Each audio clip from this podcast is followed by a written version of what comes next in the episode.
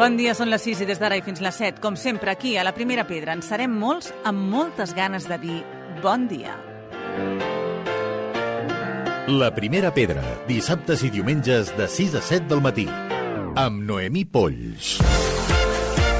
El xat per joves de la Fundació Ajuda i Esperança, que ofereix ajuda i acompanyament a joves i adolescents en situacions de crisi emocional, va atendre més de 1.700 converses en el seu primer any de funcionament.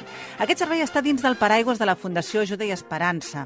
Per parlar d'aquest xat, d'aquest xat de la Fundació, tenim amb nosaltres a la psicòloga Mireia Anglès. Mireia, molt bon dia. Molt bon dia. Uh, en primer lloc, ens agradaria que ens situessis, és a dir, què és el xat en, que té la Fundació Ajuda i Esperança? Per què serveix? Doncs mira, uh, per contextualitzar una miqueta el per què d'aquest projecte, és important tenir en compte que des de fa 50 anys tenim en funcionament el telèfon de l'Esperança, que és un telèfon que opera 24 hores al dia i que al llarg de tota la història ha anat atenent trucades de persones eh, que estan en un moment vital doncs, difícil i que necessiten trobar a l'altra banda del telèfon una veu amiga que les acompanyi, que els escolti i que els hi faci costat. Al llarg, en el moment de la pandèmia, un moment doncs, molt difícil per la gran majoria de gent, es va posar sobre la taula a la importància d'obrir una línia específica de prevenció del suïcidi. En conveni amb l'Ajuntament de Barcelona es va obrir una línia específica per atendre persones doncs, que estan en un moment de crisi molt important i que d'alguna manera es plantegen eh, acabar amb la seva vida. I per, tant atenem persones que estan en un moment des de la ideació suïcida fins a persones que ja doncs, han passat a l'acte i que ens truquen en un moment de risc vital important. Uh, en el que ens vam donar compte, i tal com constataven les dades d'algunes enquestes que es passen, com per exemple la fresc de, de l'Ajuntament de Barcelona, que el malestar en els joves estava disparant-se, sobretot eh, malestar a nivell d'ansietat, de depressió, conductes autolesives, conductes suïcides, moltíssima solitud no desitjada també hi ha vinculada a joves, i per tant vam veure que malgrat eh, el jovent estava molt malament, i que, per tant, estem en un moment de crisi a nivell contextual de salut mental, els joves no trucaven, no aixecaven la mà per demanar ajuda. Tots, qui més qui menys tenim joves a la nostra vida, veiem que el telèfon ja no el fan servir, per, de, per, ja no per demanar ajuda, no per, parlen per, per parlar. Telèfon. Exacte. No? Escriuen. Escriuen. Per, per tant, vam veure que alguna cosa s'havia de fer per poder arribar a aquests joves i que poguessin demanar ajuda abans de que fos massa tard. Massa tard. Així que vam fer la volta al món per trobar una possible eh, manera, una plataforma que ens permetés... El primer vam fer... Eh, vam veure els antecedents que hi havia a nivell històric d'una possible atenció d'aquest tipus i vam veure que no existia res a, eh, aquí, en el país. I, per tant, vam fer, com et comentava, la volta al món per veure on podíem trobar una plataforma que integrés eh, eh, WhatsApp i que ens permetés poder fer la millor atenció possible i, sobretot, el més complex de tot, garantint la protecció de les dades de, de la gent que ens escriu. Esclar, perquè suposo que es perd l'anonimat quan s'escriu eh, des d'un xat. L'anonimat no es perd, el que sí que és totalment confidencial. L'anonimat no es perd perquè quan la persona ens truca, si detectem que està en una situació de risc vital, per sobre de tot preval la seva vida i en aquell moment, si cal, activem el servei d'emergències i per tant necessitem el número de telèfon. Uh -huh. uh, si algú està escoltant i vol saber aquest xat, on ha de dirigir-se? És a dir, tenim el número de telèfon exacte que la gent pugui prendre nota? Clar, el que és meravellós d'aquest servei, a diferència d'alguns altres que ja s'havien començat a fer, és que el jove, apretant un botó des del seu mòbil, apretant un, un botó que és molt senzill, en el context en el que estigui. Està a la discoteca en un moment de molt malestar, està abans de fer un examen, està a casa, que ens escriuen molt, estan a l'habitació mentre la família està al menjador.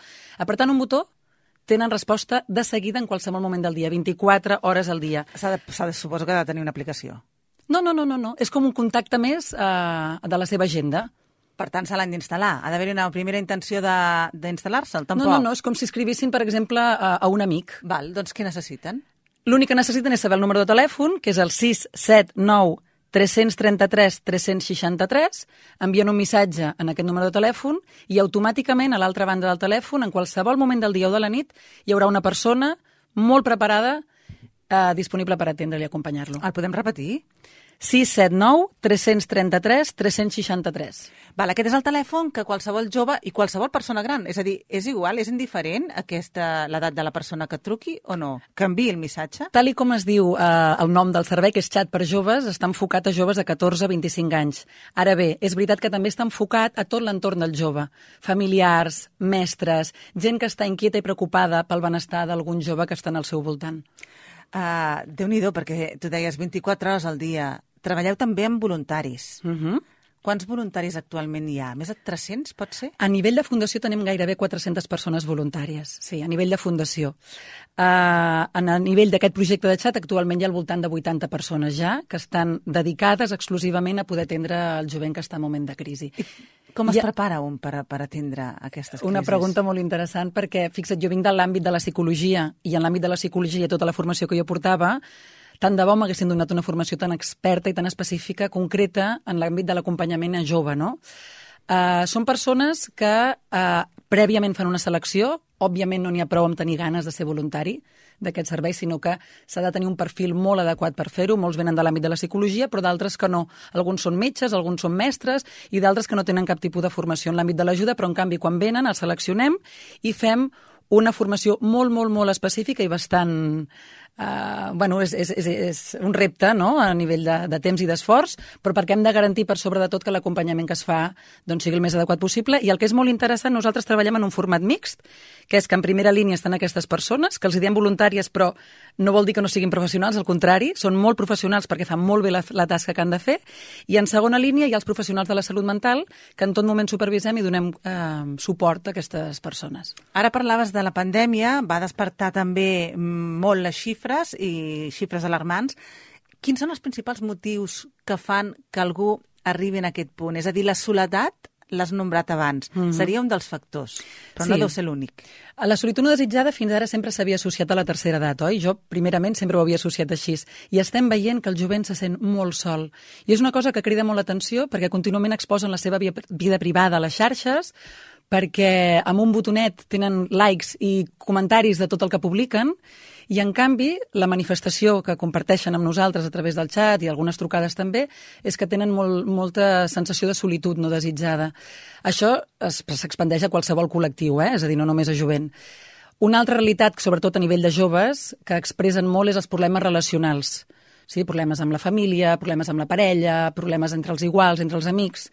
Aquesta seria la problemàtica principal. I en segon lloc seria eh, els problemes de salut mental. Veiem situacions molt complexes d'ansietat, situacions molt complexes depressives i una situació que ens, que ens eh, impacta bastant, ens envien imatges eh, sovint um, autolesionant-se.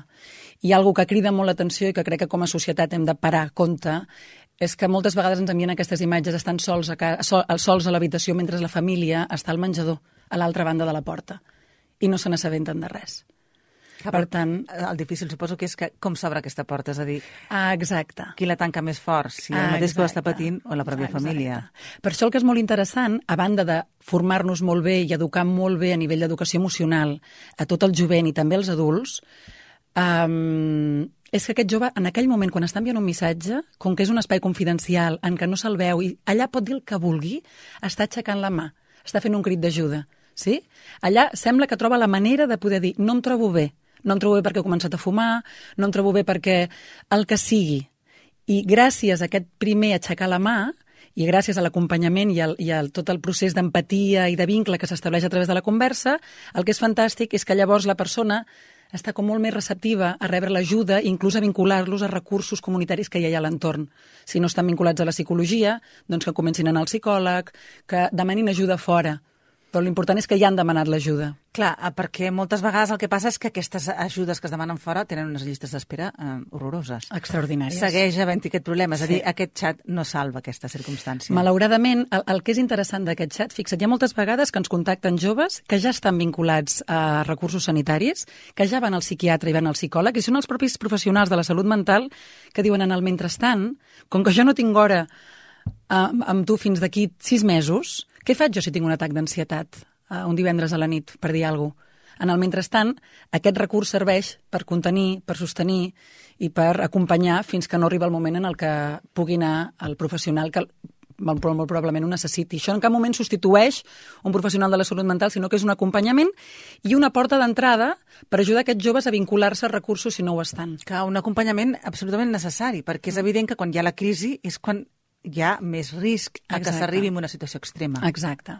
Exacte. Um, jo no sé, hi ha xifres també esperançadores, és a dir, quanta gent se'n surt, teniu les xifres del post després d'haver trucat Uh, com que són trucades totalment confidencials i en els altres serveis són anònims, nosaltres no fem seguiment d'aquestes trucades. Però el que sí que veiem és que un servei d'aquestes característiques estalvia i evita moltíssimes uh, visites posteriors a, a, al metge o a professionals de la salut, perquè només en el fet de trobar en aquell moment algú que t'escolta, que t'acompanya, el fet de poder uh, verbalitzar com et vas sentint, ja genera un efecte autorregulador en la persona i molt probablement l'ajuda a tenir recursos per tirar endavant amb la seva vida.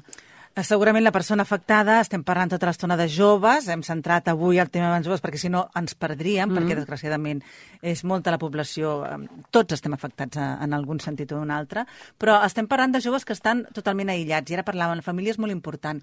Eh, pot eh, també utilitzar aquest servei un familiar i alhora hi ha algun missatge més genèric que es pugui donar als familiars perquè puguin acostar-se a aquesta persona totalment aïllada en el moment de fer la trucada?